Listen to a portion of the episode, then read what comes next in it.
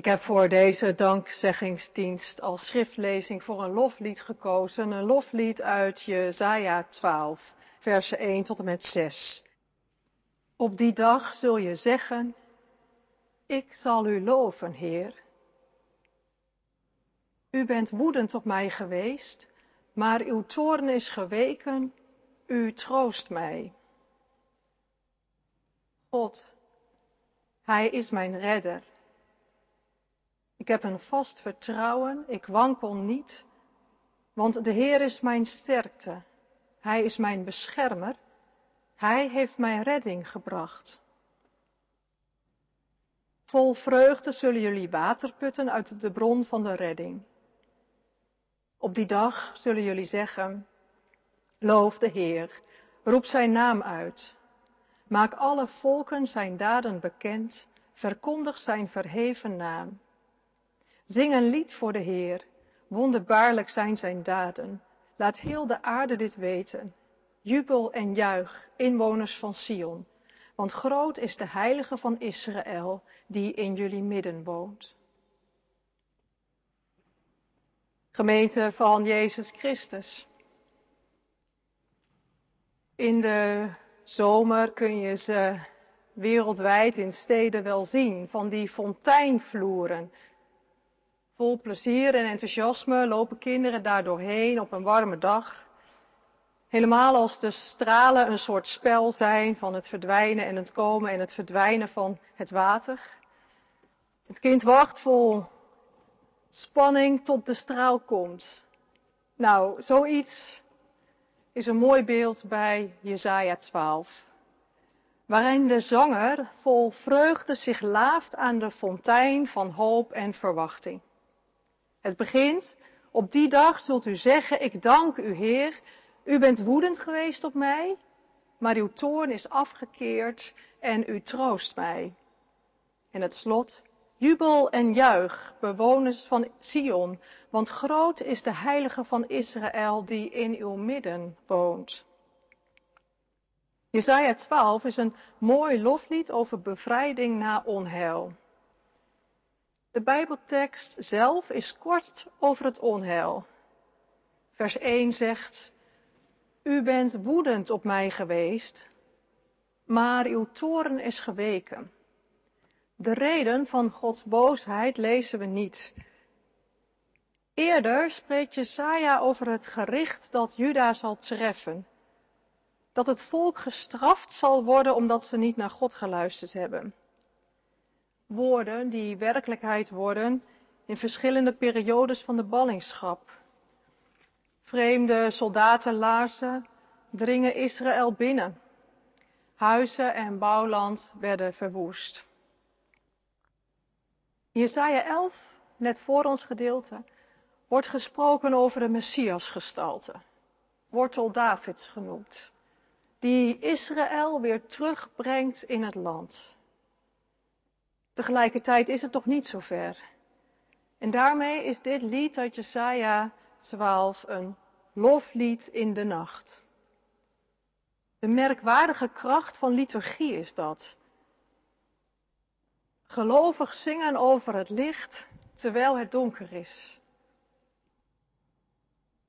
Het lied uit Jesaja 12 zingt over God de redder, mijn sterkte, mijn beschermer.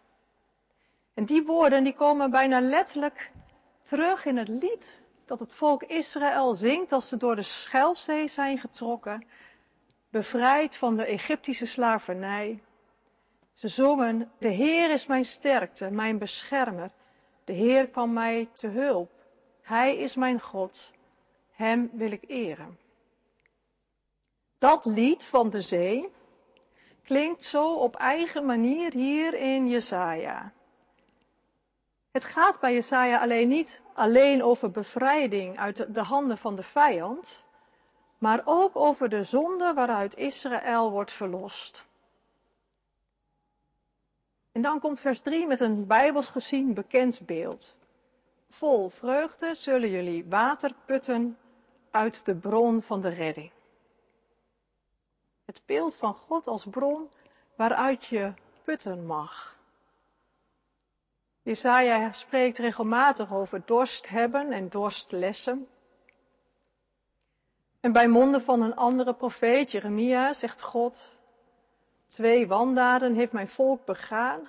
Hij heeft mij verlaten, het heeft mij verlaten, de bron van levend water. En het heeft waterkelders uitgehouwen, kelders vol scheuren, waarin het water niet blijft staan. En de Arameese vertaling van de geschriften, die verbindt dit dorstlessen met de Torah. Keer terug naar de Torah.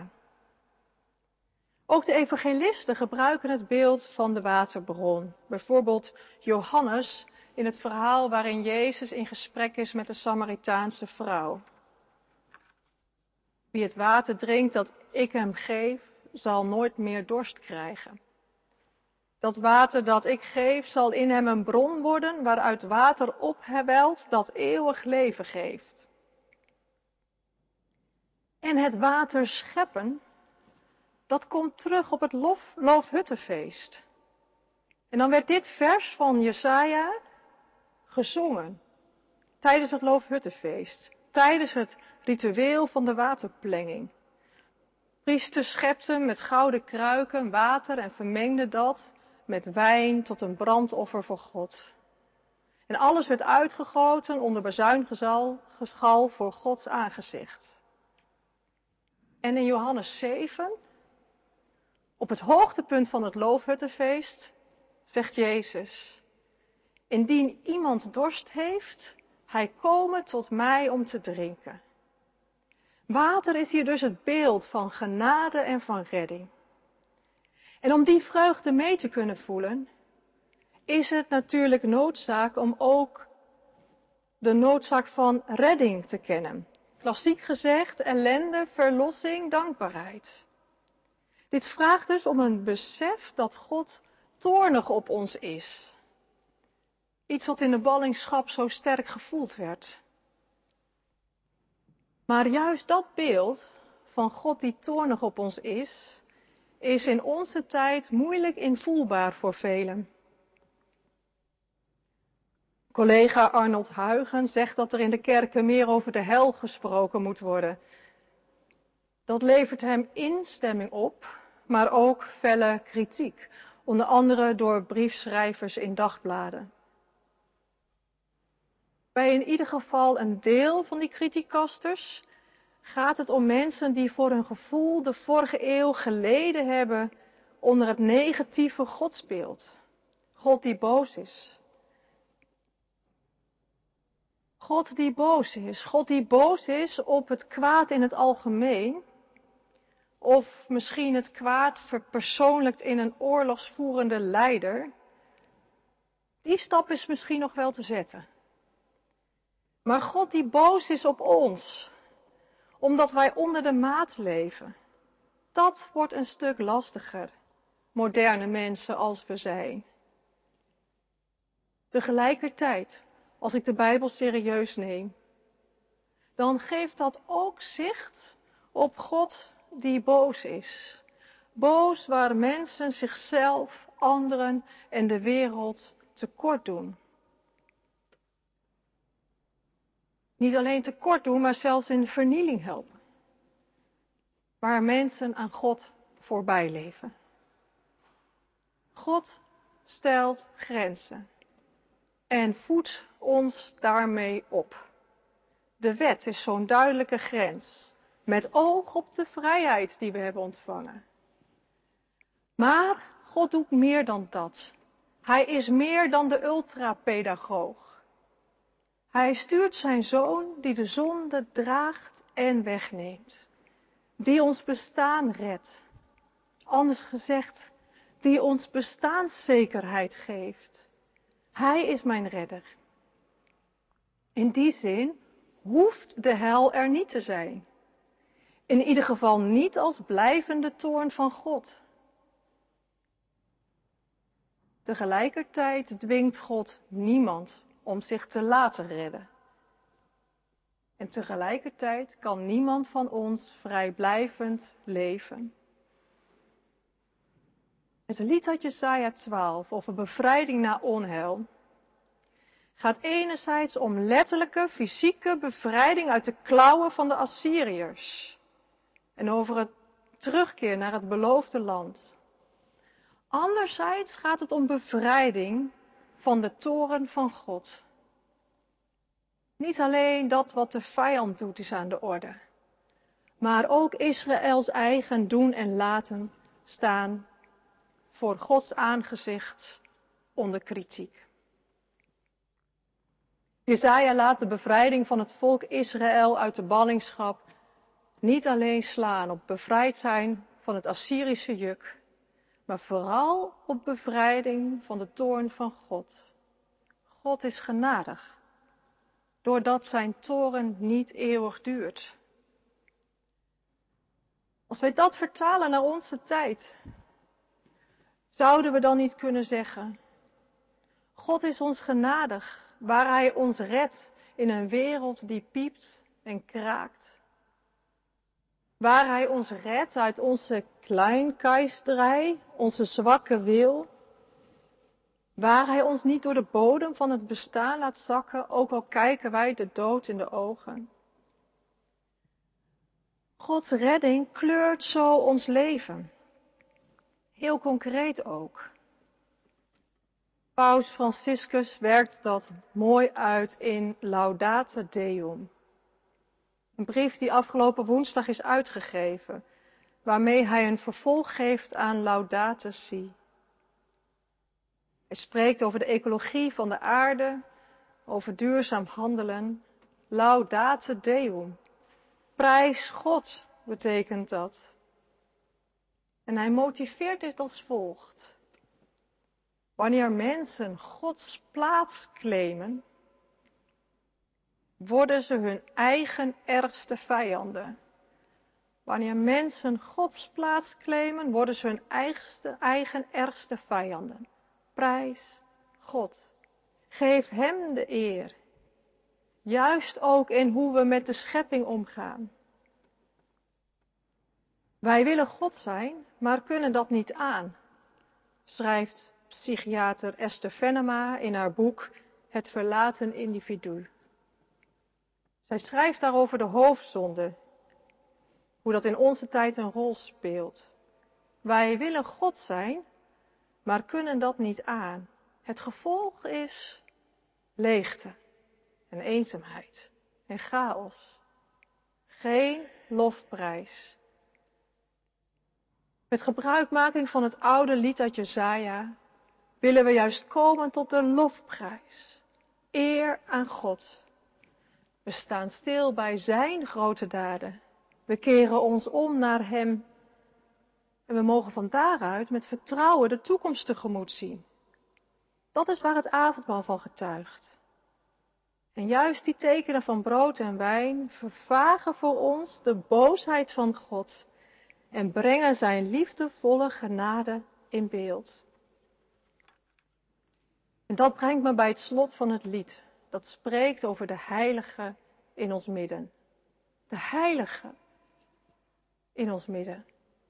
Niet als een strijdleus of een krachtterm, maar als een waterstraal op een hete zomerdag, die ons zomaar gegeven wordt om ons aan te laven. God is in ons midden. Daar waar wij zijn genade van de waterstraal erkennen. Waar we ons zo naar Hem omkeren, naar de vreugde en vrede van Zijn rijk. Maar het luistert hier nou. Want de Bijbel van Genesis tot Openbaring spreekt niet over hoe wij God bereiken. Maar de hele Bijbel spreekt erover hoe God in ons midden komt.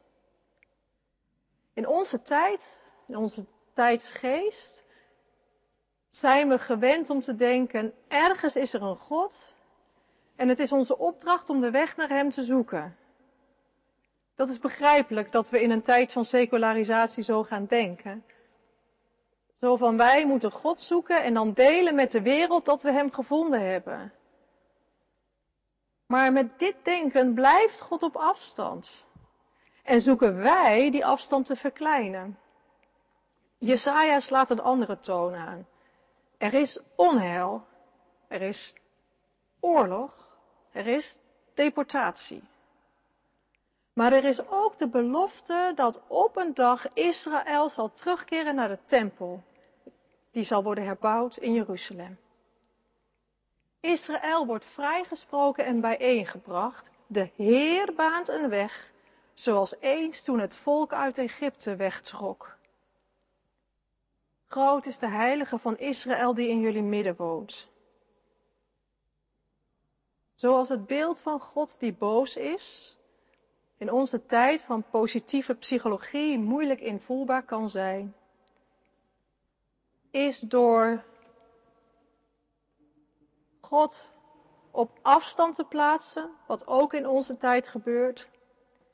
Het beeld van God die in ons midden is, soms ook moeilijk invoelbaar. Maar toch is dat het Bijbelse beeld. God die in ons midden woont. En ergens geeft mij dat een basisvertrouwen. Hoewel ik er met mijn gevoel lang niet altijd bij kan.